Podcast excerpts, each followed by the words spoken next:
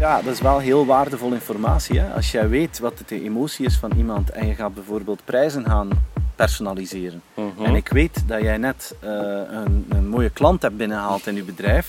je zit, eh, in de, het is- ja, je zit high van excitement. Mhm. En dan ga je naar Amazon. Ja, als die prijzen een klein beetje hoger zijn dan anders, Maakt niet zoveel dan ga je gewoon kopen.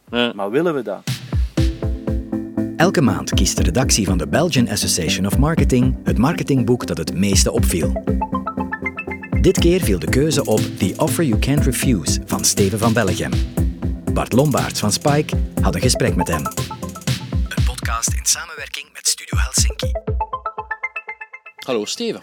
Dag Bart. Eh, vertel eens, waar zitten we hier juist? We zitten hier eh, heel gezellig aan een eh, picknicktafel in het Drongengoed. Dat is een, eh, ja, een, een groot bos hier bij ons in Knesselaren. Ik woon in Knesselaren. Mhm. En in dat bos eh, kom ik heel vaak wandelen. We zitten hier aan een tafel waar we soms met ons gezin 's morgens op een zonnige dag komen eh, ontbijten. En ik vind dat hier een heel, heel fijne plek. Ja, super. Ja, het is eh, een ontdekking voor mij, moet ik zeggen. Heel, heel leuk plekje. Eh, er misschien ook aan toevoegen dat we eerst in je tuin zaten, Ja. maar daar een beetje weggejaagd zijn door eh, de buren die vonden dat het nodig was om werken uit te voeren. Wat Ja, een, maar kijk, het is een upgrade. Hè. Zitten Absoluut, absoluut, zitten absoluut. veel beter. Ja, super. Ehm, reden voor dit gesprek is uiteraard je nieuwe boek, The Offer You Can't Refuse. Ja. Ehm, wat mij opviel toen ik het boek, eh, ja, ik denk de eerste bladzijde opensloeg, was eh, ja, voor mij is Steven van Belgem iemand die altijd vanuit dat digitale vertrekt, maar dat altijd breder ziet ook. Eh, en nu zie ik op de eerste pagina Greta Thunberg. Ehm, is dat dan de nieuwe disruptie volgens jou? Die maatschappelijke relevantie die je moet hebben ook als, als bedrijf? Ja, ik denk dat dat een, eh, een heel belangrijke nieuwe stap wordt. Hè. Het digitale blijft natuurlijk heel belangrijk. Ehm, de voorbije tien jaar draaide wat mij betreft rond eh, mobiele technologie, rond social media, rond 4G.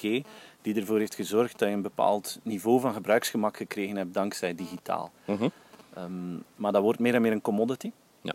Dat moet je hebben, maar dat is moeilijk om je daar nog mee te differentiëren, tenzij het negatief is. En ik denk inderdaad dat, eh, dat we nu in een tijd leven waar dat veel meer mensen ook kijken naar bedrijven om maatschappelijke problemen mee aan te pakken.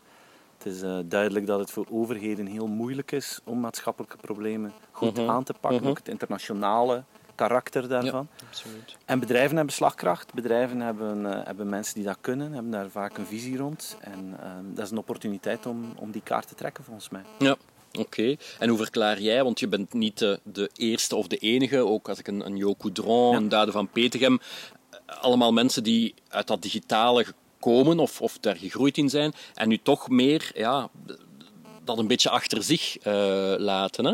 Is dat ook jouw jouw indruk? Ja, ehm, ik zou niet zeggen dat ik het achter mij laat. Ik Mhm. denk dat, ehm, ook in dit boek spreek ik veel over technologie, omdat ik er ook van overtuigd ben dat we die technologie nodig hebben om een aantal maatschappelijke problemen aan te pakken. Maar ik denk wel dat het logisch is dat, laten we zeggen, de, de pure digitale mensen, zoals ik en, en Peter Hinzen en, en Jo en Dado, dat we breder gaan, omdat digitaal staat niet meer apart. Ehm, Alles wat dat je doet, begint een digitale component te krijgen. Hè. Dus Vroeger spraken we over digitaal versus analoog, over online versus offline. Vandaag is alles veel meer hybride. Elk, elke interactie die je in de offline wereld doet, is er bijna altijd iets digitaal aan gekoppeld. Dus het, eh, het wordt gewoon, het is opgegaan in de maatschappij.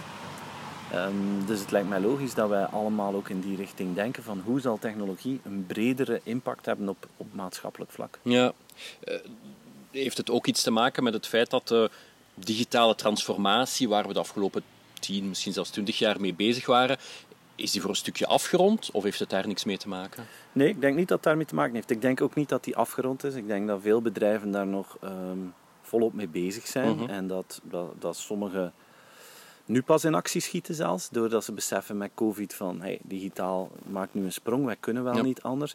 Ik denk echt dat het te maken heeft met het feit dat we nu aan de vooravond staan van een aantal nieuwe di- digitale technieken, technologieën, Mhm. zoals artificial intelligentie, quantum computing, 5G, robotica, de cloud, die er eigenlijk voor zorgen dat wij ja, volgens mij aan de vooravond staan van wat dat ze noemen de golden age of digital. Mhm. Ik heb er ook over geschreven in het boek. Ik ben een heel grote fan van eh, Carlota Perez. Zij is Mhm. eh, professor economie in Venezuela. Ja. Briljante dame die heel haar leven lang gekeken heeft wat, wat is de impact van grote technologische revoluties op de maatschappij en hoe evolueren die. En zij heeft ontdekt dat je altijd hetzelfde patroon hebt. Mhm. Je hebt eerst een fase waarbij dat die technologie naar de markt komt. De Mhm. installation period noemt zij dat. Dat is zo ja, de jaren 2000. Hè. Internet komt eraan en veel mensen zeggen van oh, ja, maar dat, dat wordt niks. Ja. zie maar naar de bubbel, daar gaan we niks Aha. mee doen. Veel mensen zeggen van oh, ik heb daar schrik van. Mhm. En een handjevol mensen snapt het perfect. Ja. Jeff Bezos, om er één te Mhm, noemen. mhm. En die worden dan zo sterk dat dat ook oneerlijk voelt naar de rest. Dat de Ja. overheid zich daar begint mee te moeien. En Mhm. dat, dat zorgt voor vrevel in de maatschappij. Dan krijg je een heel grote wereldwijde crisis. Vorige keer was dat Wereldoorlog 2. Ja. Nu heb je COVID-19. Ja. En de theorie van Carlota Perez zegt, eens dat je uit die crisis komt, dan begin je te komen in wat, eh, wat dat zij omschrijft als de deployment period van die technologie. En dat betekent dat veel meer mensen eh, snappen hoe dat je het kunt gebruiken, zowel burgers als bedrijven als overheden. Mhm. Het is waardoor dat de voordelen ook veel breder gedragen worden en waardoor dat, dat gevoel van unfairness verdwijnt. En doordat die voordelen zo breed gedragen worden, is de maatschappij daar beter af eh, door.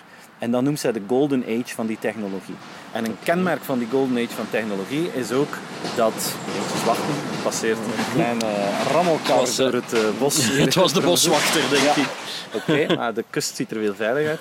En wat dat ook blijkt, dat die te- techniek van, of die theorie van Carlota Perez, is de nieuwe technologieën, zoals Mhm. digitaal, gaan eigenlijk in staat zijn om de problemen van de vorige technologische revolutie op te lossen. En wat was de vorige technologische revolutie? Dat was massaproductie. Ja. En daar hebben we nu de nadelen van. Ja. Klimaat, om er maar een Ja. van eh, te noemen. En die nieuwe wave moet eigenlijk helpen om die vorige problemen aan te pakken. En dat is een heel positieve, optimistische theorie, waar ik eh, een enorme believer in ben. En ik denk dat het vooral daarmee te maken heeft dat wij ehm, ja, die, die verbreding gaan naar maatschappelijk vlak, omdat die, Mhm. die technologie ook gewoon overal verspreid gaat Ja, worden. ja, het zit meer in één, in één hokje Ja. of bij één persoon in de, in de board. Ja. Het is eh, omni, omnipresent. Ja. Oké. Ondertussen is ook de wandelclub eh, aangekomen. Het is, ehm, ja, als je pech hebt met, eh, met geluid, dan blijf je, blijf je pech hebben. Misschien nog even een kleine dienstmededeling. Ehm, eh, wie een harde tok hoort, dat is de, een eikeltje dat op de, op de tafel hier, hier valt. Ehm, Laten we het straks nog even over technologie hebben. Misschien nu Ja. nog even over die, die maatschappelijke relevantie. Ehm, want dat is iets wat BAM, de Belgian Association of Marketing, ook na aan het hart ligt. Zij hebben daar een soort framework rond ontwikkeld, Meaningful Marketing. Dat is echt hun, hun denkwijze, hun filosofie. Ehm, houdt die steek volgens jou? Ja, zeker. Ik denk dat je moet afvragen als, als marketeer, wat gaat ons differentiëren? En ik denk dat je daarbij niet moet kijken naar de klant van vandaag, maar je de vraag moet stellen, de klant van 2025, de toekomstige klant. En in welke richting gaan bepaalde tendensen gaan? En, en dan zie je toch, eh, ook door de hard facts uit, uit onderzoek, dat consumenten verwachten dat bedrijven proactief gaan deelnemen aan het debat. En sterker nog, dat ze ook gaan bijdragen tot een deel van de oplossing. Eh, Als je nu kijkt naar heel de Black Lives Matters movement dat we vooral in de US zien. Ik heb daar onderzoek rond gelezen. Eh, de Amerikaanse bevolking verwacht vandaag dat bedrijven daar actief een rol in gaan spelen. En vroeger zouden wij als bedrijfsleiders of als marketeers misschien zeggen van hey, ehm, het is veiliger om niks te zeggen. Dan kunnen we ook niks verkeerd zeggen. Zeker in zo'n gevoelige problematiek als eh, racisme en discriminatie. dat, is, dat is weg. Een bedrijf dat niks zegt in de Verenigde Staten vandaag rond Black Lives Matters is per definitie negatieve perceptie. Dus het, je krijgt een verandering in, in gevoel, een verandering in mentaliteit. Ik denk ook dat dat versnelt door COVID, dat we op een andere manier naar dingen kijken. Dus volgens mij, de klant van de toekomst gaat daar zeker meer belang aan hechten dan dat dat vandaag al het geval is. Mhm. Eh, en je noemde het daar straks een opportuniteit. Misschien is dit ook binnen tien jaar weer ja, de, de, het Olympisch minimum, zal ik zeggen. Zeker op vlak van sustainability. Hè? Als, je kijkt naar, want het, als je kijkt naar het meaningful marketing, dat kan gaan over saving the planet. Hè? En dan is sustainability een belangrijke. Dat wordt zeker een, een, een minimumvoorwaarde. Maar je kunt meer doen. Hè? Ik, ik denk dat meaningful, meaningful marketing ook is kijken naar de sterktes dat je hebt in jouw bedrijf.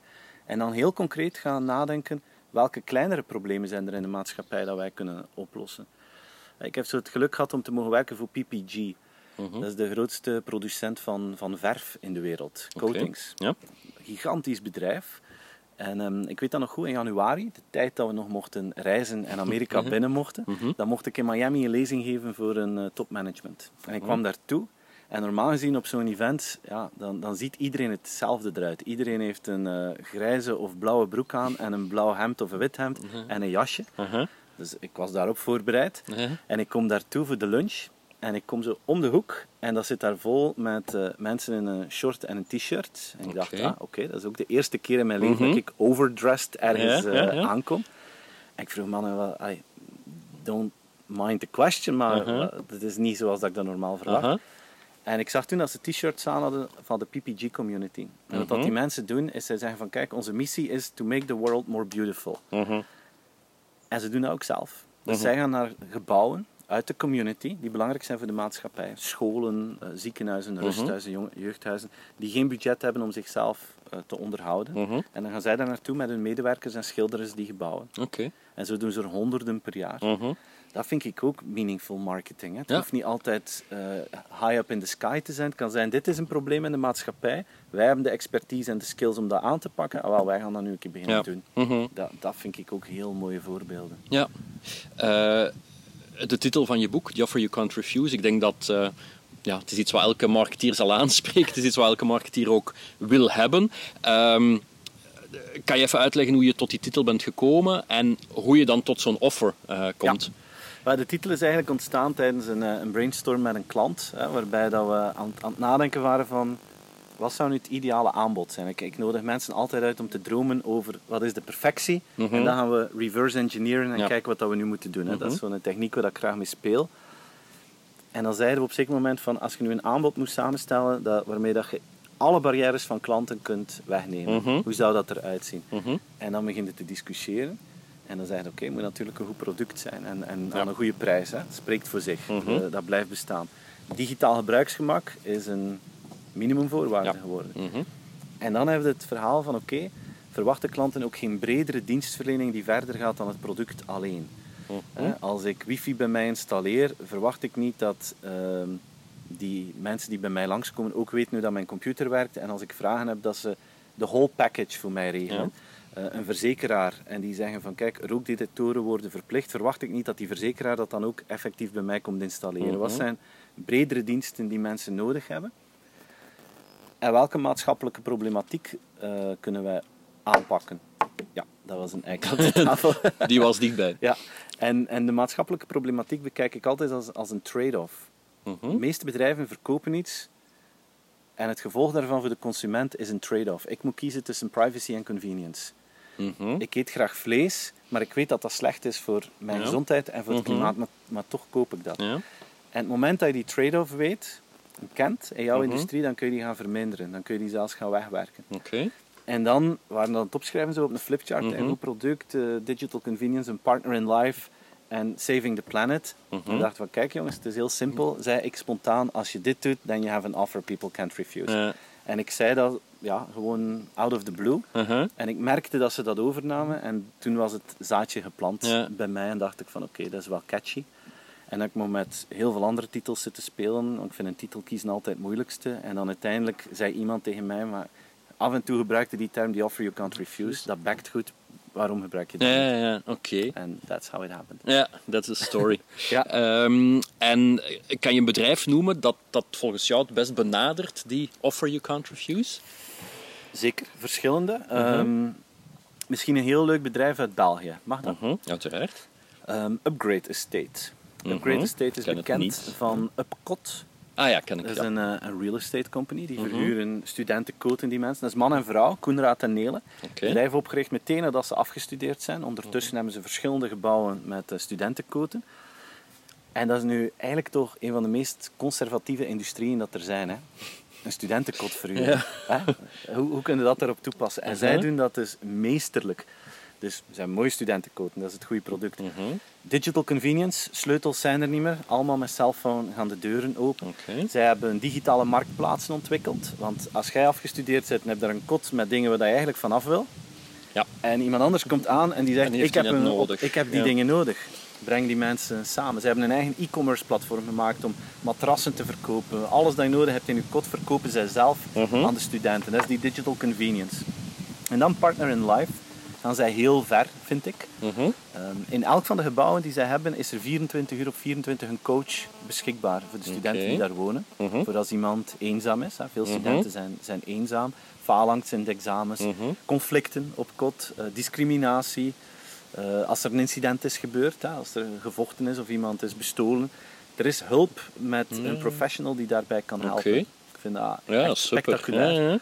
Ehm, maar ook bijvoorbeeld voorzien zij extra trainingen van topics dat je niet op de universiteit krijgt eh, te horen. Organiseren zij online trainingen voor hun eigen studenten. Mhm. Hè, dus ze willen meer zijn dan puur een vastgoedspeler, Ja, ja, ja. ze willen die partner zijn.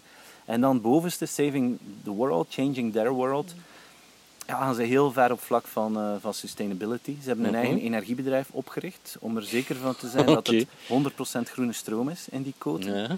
Ehm, zij hebben eh, buiten aan, de, aan die gebouwen hebben ze kippen rondlopen die het organisch afval verwerken. Ja. De gebouwen zijn volledig gemaakt in eh, tweedehands materiaal eigenlijk. Er is niks ja. van virgin material Mhm. dat ze daar gebruiken. Ik vind dat een fenomenaal voorbeeld. Mhm. Klassieke industrie, vastgoed, die op zo'n innovatieve manier naar de markt gaat. Ja. En die zijn onwaarschijnlijk succesvol. Zowel bij investeerders, maar je kan ook als particulier mee investeren in hun project. En. Ze hebben heel trouwe investeerders, hebben ze mij verteld. Mhm. En de studenten zelf zijn, zijn razend enthousiast. Ja, ja, ja. Oké. Vind ik Eh, een mooi voorbeeld. ja, dat was een eerste voor. Heb je er nog één? Of, eh?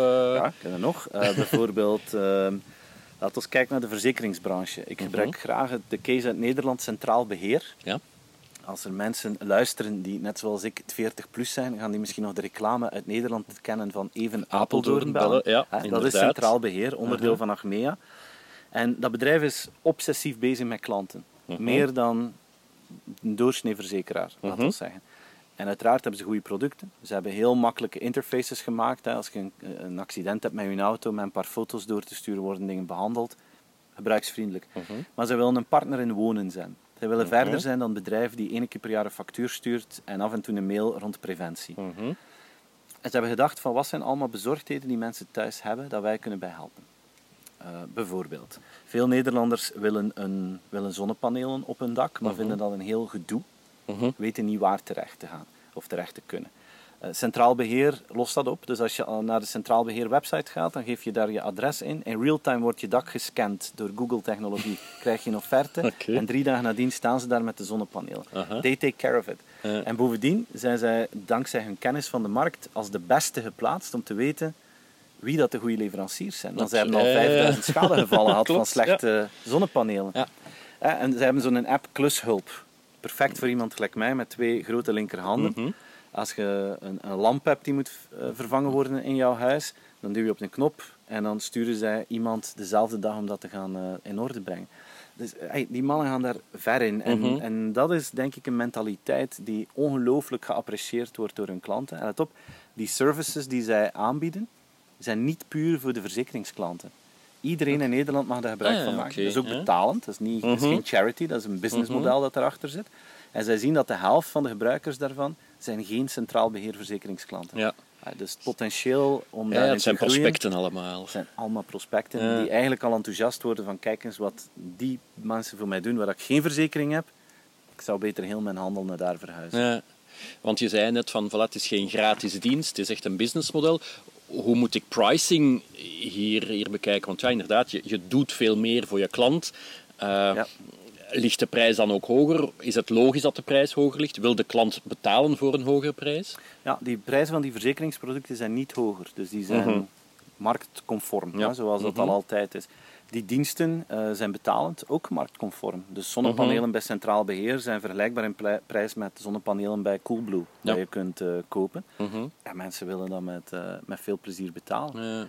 Dus het, ik, ik denk dat, dat er altijd een markt is voor extra diensten, dat mensen bereid zijn om daar ook iets voor te gaan betalen. Mhm. Voor sommigen niet, als het, als het onderdeel is van uw product, dan verwachten mensen dat je dat erbij doet. Ja. Ik heb, ik heb in mijn boek ook zo het voorbeeld geschreven van, eh, van de wifi bij ons thuis die eens minder goed werkte. Mhm. En eh, ik belde naar mijn telecomprovider en die mensen waren super vriendelijk. Onmiddellijk kwam er iemand, heel vriendelijke meneer, alles erop en eraan, die bekijkt alles, die test alles. En zijn conclusie is dubbel. Hij zegt van kijk, eh, Steven, het te zwaar, uw internet is te traag volgens wat dat je gekocht hebt bij ons. Mhm. Maar het ligt niet aan ons. Ik heb alles gecontroleerd. Ehm, ja, je gaat een IT-bedrijf een keer moeten bellen om te kijken aan wat dat ligt. Want eh, wij zijn perfect in orde. Mhm. Ja. Allee, en nog een, een, een Ja. heel fijne dag. Ja. Dus procesmaten hebben ze dat perfect gedaan. Aha. Maar ik zat nog altijd met traag internet. Daar ben ik eigenlijk niet bereid om meer te betalen. Daar Mhm. verwacht ik van dat bedrijf dat zij zeggen van ja, it's our problem. Die mens Mhm. betaalde ons al jarenlang elke maand. Daar kun je moeilijk een prijs voor vragen, vind ik zelf. Mhm. dat, is, dat is dienstverlening voor iets dat niet goed werkt. En daar verwacht je het hele pakket. Ja. Dus het hangt ervan af. Hè. Is het een dienst die gekoppeld is aan uw product, dan verwachten in principe, denk ik, als klant dat gratis is. Mhm. Is het een, iets totaal nieuws, een, een nieuwe dienstverlening dat je aanbiedt, dan kun je Mhm. daar perfect geld voor vragen. Ja, en dan heb je inderdaad een nieuw businessmodel dat je opstart en groei voor je bedrijf Ja, eigenlijk. ja, inderdaad. Super, oké. Ehm, terug naar technologie blijft ook in, eh, in dit boek ja, een, een, eh, een van de kernen, een van de pijlers zal ik zeggen. Ja. Ehm, wat mij vooral ook opviel was ehm, het belang dat je hecht aan 5G. Ehm, iets waar BAM ook sterk mee, eh, mee bezig is. Kan je even toelichten wat het belang daarvan is voor ons als marketeers? Zeker, zeker. Ehm, volgens mij staan we aan de vooravond van, van vier general purpose technologies, misschien zelfs vijf, die, die een soort van digitale snelweg gaan bouwen. Hè. 5G is daar een van artificiële intelligentie, quantum computing, robotica en cloud. En als je nu kijkt, de voorbije tien jaar vonden we indrukwekkend op vlak van digital, maar eigenlijk was dat met de, met de auto op een kasseibaantje rijden. Zo gaan we dat achteraf zien. Dat was met horten en stoten. Nu zijn we snelwegen aan het aanleggen. Oké. En 5G is een van die ingrediënten van die snelweg, net zoals de cloud. Wat dat ervoor gaat zorgen dat je veel meer nog, en ik denk dat dat een belangrijke is in, in marketing, veel meer nog dat real-time gebeuren gaat krijgen. En, en daar zitten we nog met een enorme mogelijkheid.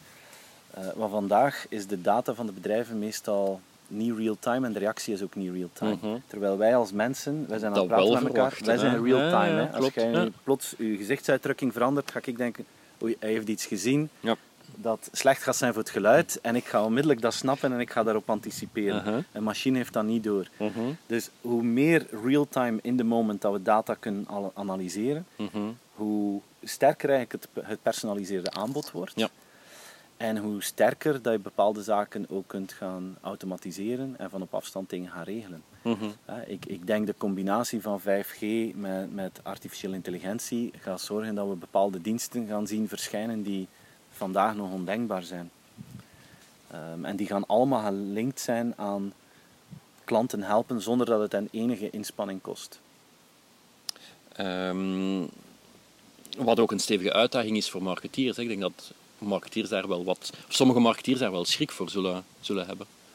Ja, want als je het doortrekt, een, een extreme vorm van automatisatie betekent dat de klant in sommige gevallen niet langer onderdeel uitmaakt van de aankoopcyclus. Ja. En we zijn als marketeers gewoon om marketing te doen naar, eh, naar mensen. Ja. Maar wat als die mens niet meer mee beslist? Eh, Mhm. en, en er zijn, in ons leven zijn er heel veel patronen van consumptie. Bij ons thuis en, en bij jou thuis, 80% van wat wij eten en drinken is elke week en elke maand hetzelfde. Heel veel mensen hebben een bepaald patroon van dan ga ik naar Starbucks, dan ga ik dat doen, dan ga ik dat doen. En het moment dat er een patroon is, dan kun je een algoritme maken. En dan kun je gaan voorspellen en dan kun je gaan automatiseren. En dat betekent dat je bepaalde aankopen volledig kunt automatiseren en outsourcen aan een machine. En dan ben ik eigenlijk heel weinig nog, nog betrokken. Mhm.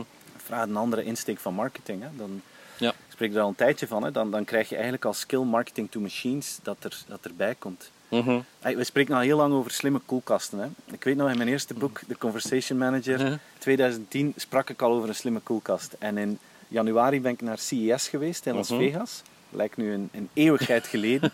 maar daar, ik weet dat nog, daar stond zo de, de, de nieuwste, slimste koelkast van Samsung. En ik Mhm. vond dat eigenlijk wel indrukwekkend. Dat, dat past eigenlijk ook perfect bij mijn, mijn verhaal en mijn model uit, uit die Offer You Can't Refuse. Dat is uitera- uiteraard een koelkast. Maar dat ding weet perfect wat dat er in die koelkast staat. Mhm. Ehm, dat weet ook wat dat de vervaldatum is van al die producten. Dus dat kan zeggen, Bart, vandaag gaat het toch dat potje yoghurt moeten opeten, want anders wordt het slecht en moet je het weggooien. Slecht voor, eh, voor het klimaat dat jij eten weggooit. food Changing the world. Hè? Mhm.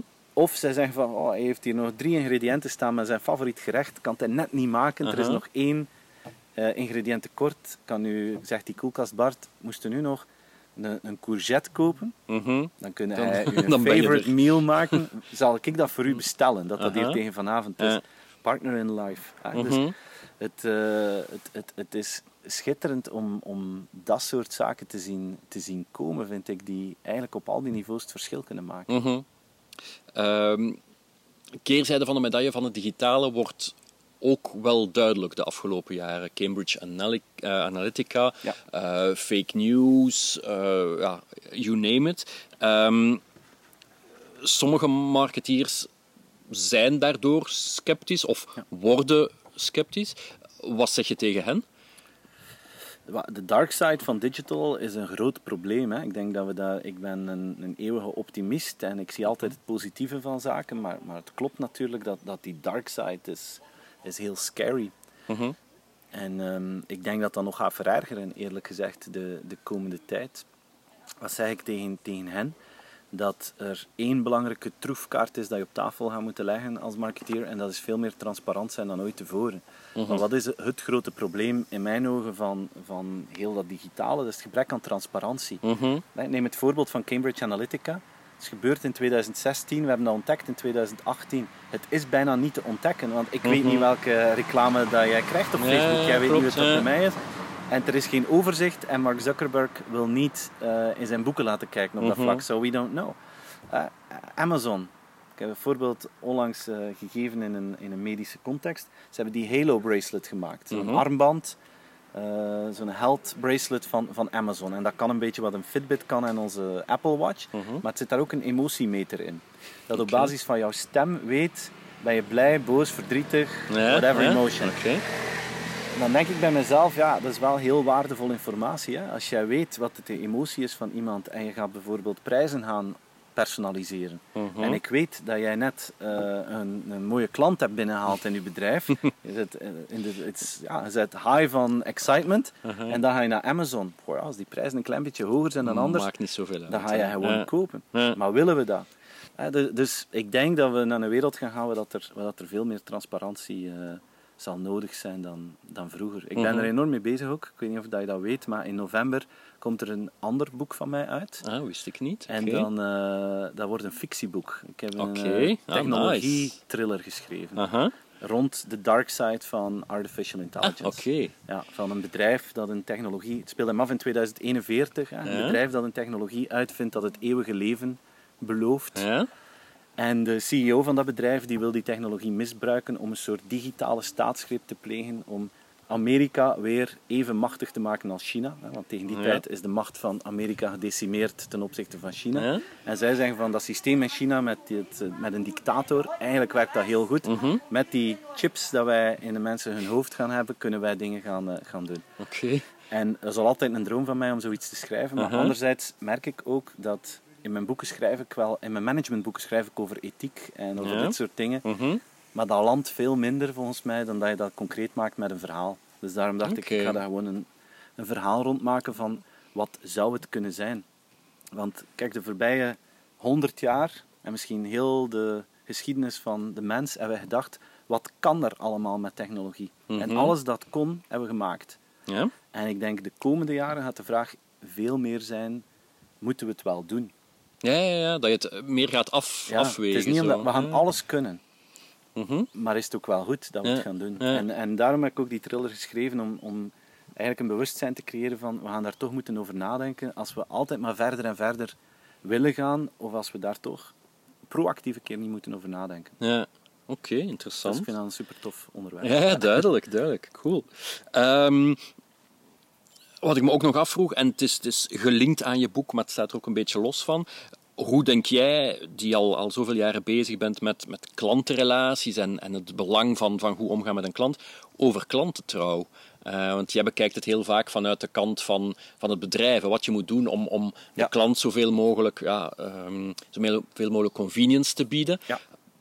Maar zelfs als je dat doet, bestaat dat nog, klantentrouw? Wij zien in alle cijfers dat die daalt, Mhm. hè, klantentrouw. Maar de, maar de vraag is, wat kwam er eerst? Hè? Een, een focus op een grotere efficiëntie binnen bedrijven en een enorme focus op operational excellence of een daling in klantentrouw. Ja. Eh, dat is hetzelfde van jongeren. Hè? Wat, wat, ze zeggen ze zijn niet trouw aan een werkgever. Ja, maar is dat de schuld van de jongeren? Of is dat omdat die bedrijven te saai zijn en niet aangepast aan de leefwereld van die jonge gasten? Uh, ik heb heel lang bij Insights gewerkt, Mhm. uh, een prachtig bedrijf. Wat ik daar heb gezien, dat wij altijd jong talent aan konden werven. Mhm. En dat daar ongelooflijk veel van die jonge mensen aan boord blijven en bleven. En ook konden doorgroeien. En konden Weet ik, doorgroeien ja. en konden enthousiast worden over de dingen die gebeuren. En die mensen bleven. Dus ik denk als je een, een wervend verhaal hebt, Mhm. dat medewerkers blijven. Ik denk als je een wervend verhaal hebt naar de klant, dat die mensen blijven. Mhm. Waarom zouden weggaan als, het, als je goed geholpen wordt, een goed product krijgt aan een faire prijs en als je ook nog door met die mensen samen te werken een, een deel van een oplossing van een maatschappelijk probleem kunt zijn, dan ga je daar trouw aan blijven. Maar we zijn te veel, bedrijven zijn te veel gefocust op optimalisatie van de waarde voor hen op korte termijn en denken, spelen nog altijd te weinig de long-term game met hun klanten, is mijn gevoel. Ja, en hoe... Ja, eh, wat was de truc om, om die... Het is een soort mind switch, denk ik, die je moet maken. Dat hangt enorm af van, van leadership. Hè. Mhm. Ja, kijk, kijk, naar, eh, kijk naar Microsoft. Ik vind dat een heel boeiende case. Mhm. Die zijn gestart in de jaren 70 met de grote droom van Bill Gates. Computer on every desk in every home. Mhm. En ze hebben dat gedaan. Ja. Ze hebben hun droom gerealiseerd. Mhm. En dan is dat een saai bedrijf geworden. Want er was geen droom meer. Ja. En dan kwam de opvolger, Steve Ballmer, Mhm. die, laten we eerlijk zijn, een imposant figuur was. maar enorm gefocust was op, ik ga dit bedrijf groter maken. Mhm. Financial short term. Ja. Hij is daarin geslaagd. Maar niemand vond Microsoft nog een leuk bedrijf. En nu heb je Satya Nadella, heel andere stijl, die Mhm. weer meer het lange termijn verhaal bekijkt, die weer een droom aan het formuleren is van Microsoft gaat mensen helpen in hun leven, zowel privé als professioneel, gaan wij voor state-of-the-art nieuwe diensten gaan zorgen. Mhm. En zijn focus is veel meer lange termijn. En de resultaten van Microsoft zijn beter dan, er, dan ervoor. Mhm. En dan zie je dat dat hetzelfde bedrijf is, maar die, de visie en de mentaliteit van die leider bepaalt dat. En er, er is geen truc voor, dat hangt gewoon af van de mindset van, van de grote baas die dat Ja. bepaalt. Mhm.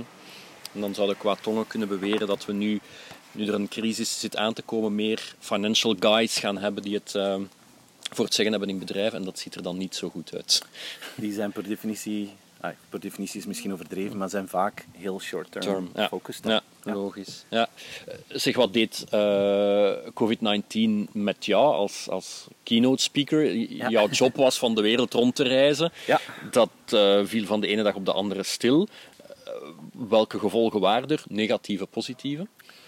Goh, ehm, dat was op, op twee weken tijd was, was dat van een volle agenda naar een lege agenda. Ik Mhm. had echt een mooi voorjaar staan. Ik was heel enthousiast over de dingen dat ik mocht doen. Ik keek er Mhm. enorm naar uit.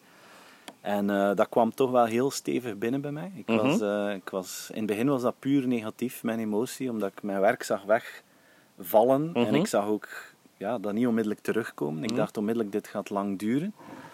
En ehm, ja, er waren een, een week of twee, drie toch... dat ik somber, rondliep, eerlijk Ja, gezegd. ja. Ja, nee, het was niet, eh, de positiviteit was op dat moment ver te zoeken. Mhm. Maar op een of andere manier heb ik dan de knop omgedraaid en heb ik gedacht van oké, eh, ik ga doen wat ik graag doe. Content maken. Mhm. Ehm, het zal dan niet op een podium zijn, maar ik ga sneller dit boek beginnen schrijven. En Ja. Normaal ging The Offer You Can't Refuse uitkomen november, nu is het september geworden. Mhm. En ik ben beginnen artikelen schrijven, ben beginnen eh, presentaties maken en ik heb die gewoon op internet gezwierd. Mhm. En daar is heel veel goede reactie op gekomen. Mhm. En daarna is dat heel snel weer veranderd en heb ik heel snel die digitale lezingen beginnen geven. En Mhm. vanaf midden mei gaf ik eigenlijk ongeveer evenveel presentaties als, als in een normaal eh, seizoen. Mhm. Zij het dan allemaal digitaal. Ja. Dus, en, en qua gevoel was dat bij mij op dat moment dubbel. Ik was enerzijds heel dankbaar en blij dat ik, dat ik terug kon, kon werken en Mhm. mijn ding doen. Anderzijds miste ik dat, dat reizen en het live publiek ook wel, moet Mhm. ik eh, eerlijk Mhm. zeggen. Ik mis dat nog altijd. Mhm. Maar ondertussen doe ik die digitale presentaties al, al graag. Ik heb zo de knop Ja. omgedraaid, omdat normaal als je voor een live publiek spreekt, dan eh, ja, Ja, er is een soort er interactie. is interactie. hè? Je krijgt energie. Ik geef energie en krijg er terug. En als ik thuis zat aan mijn computer tegen een scherm te spreken in de stilte, ja, ik, eh, dat kostte mij energie. Ja. En ehm, ik, ga nu iets heel raars zeggen, hè, maar ik heb nu een heel eh, bewondering gekregen voor nieuwslezers. Oké. Ja, mensen als Stef Wouters, Ja, dat, dat, zijn mijn nieuwe idolen. Omdat ik dacht, die mensen doen dat heel hun leven. Hè. Die zitten daar in een studio alleen met wat camera's. Die spreken naar heel veel mensen, maar die krijgen niks terug. Ja. En toch doen ze dat eigenlijk zo onwaarschijnlijk professioneel. Ja. En dan heb ik gedacht van ja, dat moet, dat moet, ik moet dat dan ook kunnen. Hè. Ik, ik evolueer van eh, iemand die op een theater speelt naar een acteur aan een camera. Ja? En die, die mentaliteit heb ik beginnen gebruiken en sindsdien heb ik er weer plezier in. En ja, amuseer ik me eigenlijk. Ja. Maar hoop ik nog altijd dat ik, eh, dat ik terug weer live kan, eh, kan spreken hè, en dat ik ook weer internationaal kan werken. Ja. Hoop ik dat dat op zekere dag terugkomt. Oké, want ook jij hebt het over gezondheid, COVID-19 en zo. Je zegt van gezondheid zal iets zijn dat ons ja, voor toch wel een lange tijd heel belangrijk zal, eh, zal zijn. Ehm, anderen denken dan weer van ja, stel dat er ooit, zodra er een vaccin is, ik zal het zo formuleren, is het weer business as usual. Welk van de twee strekkingen eh, ja, zal het halen of welke kant zal het uitgaan? Ik denk dat gezondheid ehm, in, het, in het algemeen gaat stijgen in belang. Ik had, Mhm. eh, elk jaar maak ik zo'n artikel van de Customer Experience Trends voor het volgende jaar. Ja? En een van de zaken dat ik dit jaar had meegenomen van is, eh, al voor COVID-19, van every company will become a healthcare company. Mhm. Omdat je gewoon ziet aan de evoluties en in, in, in de innovaties, dat het nu echt rond gezondheidszorg dat er heel veel gaat gebeuren. En dat eh, de grote platformen, de Amazons en, en consorten, de Googles, allemaal die gezondheidskaart aan het trekken zijn. En ik ben ervan overtuigd, mensen zoals wij, hè, wij zijn de, de laatste generatie van mensen die zo weinig over hun eigen lichaam weet. Wij, Mhm. wij zijn nog de generatie die meer over hun, over hun auto's gezondheid weet dan over onze eigen gezondheid. Maar dat gaat veranderen. En doordat er veel meer informatie voor onszelf beschikbaar gaat zijn over onze gezondheid, Mhm. gaan we daar veel bewuster mee bezig zijn. En gaan we veel meer verwachten dat bedrijven daar ook over nadenken. Mhm. En je ziet dat in de retail, die spelen veel meer de kaart van de, Ja, van de gezondheid. Absoluut. ja. Je gaat dat zien in, in de luchtvaart, dat daar meer die kaart wordt nu al gespeeld, maar dat gaat niet meer teruggaan. Mhm. Ik bedoel daarmee niet dat we met mondmaskers gaan blijven rondlopen. Ik denk dat de meeste Mhm. mensen blij gaan zijn dat we dat niet meer moeten doen. Maar een algemene, eh, grotere, laten we zeggen, aandacht aan gezondheid in het algemeen, ik ben ervan overtuigd dat dat gaat blijven toenemen. Mhm. Ehm, en dan heeft COVID-19 eens te meer iets versneld, maar niet iets teweeggebracht. Dat is een beetje de, ja. ja. Ja. de samenvatting. Oké. Eh, wat ik heel leuk vond aan je boek was dat er een ehm, soundtrack eh, bij Ja. gemaakt is van Ozark Henry. Eh, is dat ook eh, deel van jouw mindset? Van je moet eh, ja, jouw lezers zijn jouw klanten. Eh, ook daar moet ik verder gaan dan gewoon een boek maken. Ja, ik probeer dat wel graag te doen. Dus, ik heb altijd geprobeerd iets extra te doen. Bijvoorbeeld de Conversation Manager 2010 was Mhm. dat toen. Dat, dat was, die is live gekomen op het moment dat de iPad werd gelanceerd. De Ja. iPad is, is in die periode op de markt gekomen. En dan wou ik per se een iPad-versie van, het, Ja. eh, van het boek. De vorige keer met Customers the Day After Tomorrow was met augmented reality. Ja. Had ik interviews gedaan en dan kon je die tot leven brengen. Mhm. En nu vond ik het super leuk om een soundtrack te maken. Mhm. Omdat inderdaad, ik vind het leuk om er zo een, een extra dimensie Ja, ja, ja. Over te leggen. En een, een soundtrack voor een managementboek is nog niet gebeurd, new. denk ik. En ik, eh, ik heb al lang kunnen samenwerken met Piet en we hebben er met hem zitten over babbelen. En ik dacht, dat zou toch super cool zijn dat we een soundtrack voor een boek maken. Hij was ook enthousiast en kijk, En voilà, het resultaat is Ja. er. Ja, ja, ja. Ik vind, eh, ja, het is, van een boek ga je naar een beleving. Dat is Ja, eigenlijk dat het, eh, jouw ja, doel. Dat er iets extra is. Ja, oké. Ehm, zeg, jij werd ehm, groot, zal ik zeggen, binnen een marktonderzoeksbureau, binnen Insight. Ja. Ehm, hoe kijk je daar nu op, op terug, naar marktonderzoek? Wat, wat vind je dat er goed gebeurt? Wat vind je dat er minder goed gebeurt? Wat... Het is, eh, het is heel boeiend geweest, die periode bij Insights, om te zien Mhm. hoe... Ja, in, in het begin, dat was het jaar 2000 dat ik daar startte. Mhm. En eh, dat was het begin van online. Hè. Wij moesten mensen nog overtuigen dat je online consumenten kon bevragen. Mhm. En dat is dan geëxplodeerd. En in het begin was dat eigenlijk bijna de online market research was een copy-paste van offline, maar dan met een online variant. Een beetje zoals dat de eerste websites, brochures waren. Ja, ja, hè, ja. hetzelfde.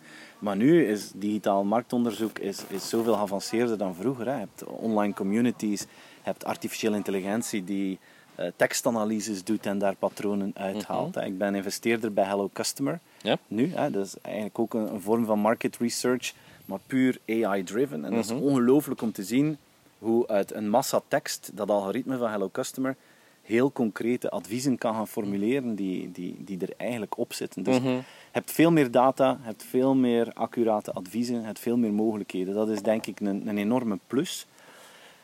Wat ik zelf de grootste tekortkoming vind van marktonderzoek, en dat is al altijd zo, is dat mensen zich altijd maar moeten herhalen. Ik weet niet Mhm. hoe dat met u is, maar ik herhaal mezelf niet graag. Niet tegen mijn kinderen, niet tegen mensen dat ik mee werk. Tegen vind dat- niemand. Ik vind dat niet tof. Ja? Maar bedrijven vragen consumenten om zich te herhalen. Dus dan zeggen ze, Bart, hoe was uw experience als je bij ons kwam in de, in de garage op onderhoud met je auto? Als jij dan goesting hebt, dan vulde dat in. Mhm. En binnen drie maanden of binnen zes maanden moeten we weer op onderzoek krijgen die, op onderhoud krijgen diezelfde vragenlijst.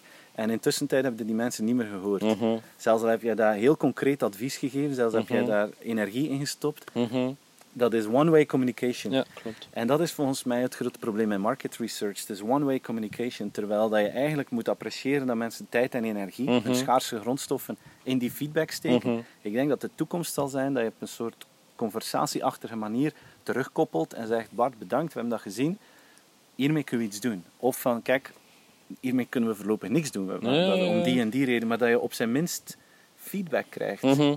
En dan ga jij veel meer geneigd zijn om in de toekomst nog feedback te gaan Mhm. geven. En nu is dat nog altijd te veel one way. Ja. En dat is een gemiste kans, is mijn gevoel. ja, dan mag je blij zijn dat je een filmticket eh, Ja. krijgt, om het zo te, zo te Dat is zeggen. al een succes dan. Ja. Ehm, wat mij daarbij opvalt, is dat er nog altijd heel erg wordt ges- gesegmenteerd. Mensen worden in hokjes eh, geduwd. En terwijl ik denk dat vroeger niet en, en nu ook niet. eh, Ja, je, je valt in duizend hokjes, je valt niet in één hokje te, te Ja. steken. Is er een manier om daarmee om te gaan binnen onderzoek? Ja, onderzoek kijkt naar de, naar de gemiddelde klant en gaat dan eh, inderdaad daarop gaan, gaan inzoomen. Maar ik denk met artificiële intelligentie dat we moeten in staat zijn om op individueel niveau een aantal zaken te gaan, eh, te gaan doen. En dat je zelfs naar gepersonaliseerde services gaat. Wij, wij worden getraind in personalisatie. Kijk naar onze telefoons. is het beste bewijs. Ik zou dat heel creepy vinden als er iemand op de wereld bestaat die zo op die homepage dezelfde apps als mij staan heeft in dezelfde volgorde. Ja. Dat zou heel, heel freaky zijn. Volgens mij bestaat die persoon niet. Dus dat toont hoe dat wij onze eigen ja, goesting hebben en onze eigen manier van werken. En daar gaat market research ook moeten naar werken. Dat je echt op individueel niveau een aantal zaken kunt doen. De vraag is, is dat nog market research? Hè? Is dat niet gewoon automatisatie, personalisatie? Die, Ja. die, die meteen een aanbod formuleert. Hè? Ik denk dat dat een beetje beyond de scope van market research is, maar dat dat eigenlijk de, meer de scope van, van ja, Marketing in zijn en market- algemeenheid. En marketing in zijn algemeenheid Ja, is. ja. Ja, ja, en dat je inderdaad van de noden, verwachtingen van die consumenten tot en met het aanbod, de aftercare enzovoort gaat, eh, gaat zorgen. Oké, eh, bedankt voor het gesprek, Steven. Graag Ik heb gedaan. nog Bedankt één om, eh, vraagje. om naar het eh, verre Knesselaren te komen. My pleasure, my pleasure. Eh, nog één vraagje. Ik herinner mij nog de eerste keer dat ik jou zag. Ik denk dat het 19 jaar geleden is, 2001. Jullie zaten toen in een oude kerk Ja, aan de met Coupure. Insights aan de Coupure in Gent. Nu zitten we hier in the middle of nowhere. Ehm, twee hele mooie plekken om, om te zijn. Wat is de, de, ja, ik weet niet, de, de strafste les of, of het, het, het strafste dat je hebt geleerd in die afgelopen 20 jaar? Want je hebt toch een heel traject zelf afgelegd. Je hebt heel veel dingen gezien, heel veel in het buitenland gezeten. Goh, dat is een heel moeilijke vraag. Hè. Wat, is, wat is het strafste dat ik gezien of geleerd heb? Nou, Het zijn een paar dingen dat ik, dat ik ongelooflijk blij ben dat ik gezien heb. Hè. Dat, is, dat is Mhm. niet echt lessen, maar ik ben heel blij dat ik al een paar keer de fabriek van SpaceX gezien heb. Bijvoorbeeld, hè. Dat vind ik heel indrukwekkend. Of de, de launch van de Falcon Heavy mocht ik bij zijn. Dat Mhm. soort dingen. Ja, dat is uniek en ben ik heel Mhm. dankbaar voor. Mhm. Maar ik denk mijn, mijn grootste eh, les of filosofie, zou ik zeggen, is ik geloof enorm in een heel simpel principe. En dat is de, de aanhouder wint en lange termijn focus behouden en daar naartoe werken, dat dat, dat, dat een ongelooflijke voldoening kan, kan geven. Ik ben zelf niet super geïnteresseerd in de korte termijn voor, voor mijn eigen werk. Ik, ik kijk. Van wat ik graag wil doen en, het, en de reis die, die ik wil afleggen. En Ja. daar haal ik heel veel energie uit, zonder dat daar echt korte termijn goals tegenover staan. En dat geeft mij een Mhm. gevoel van, van vrijheid en een gevoel van avontuur, dat ik enorm kan van genieten. Ça va. Wel, Ik wens je de komende 20 jaar net hetzelfde toe. Bedankt. Dank u wel. Merci.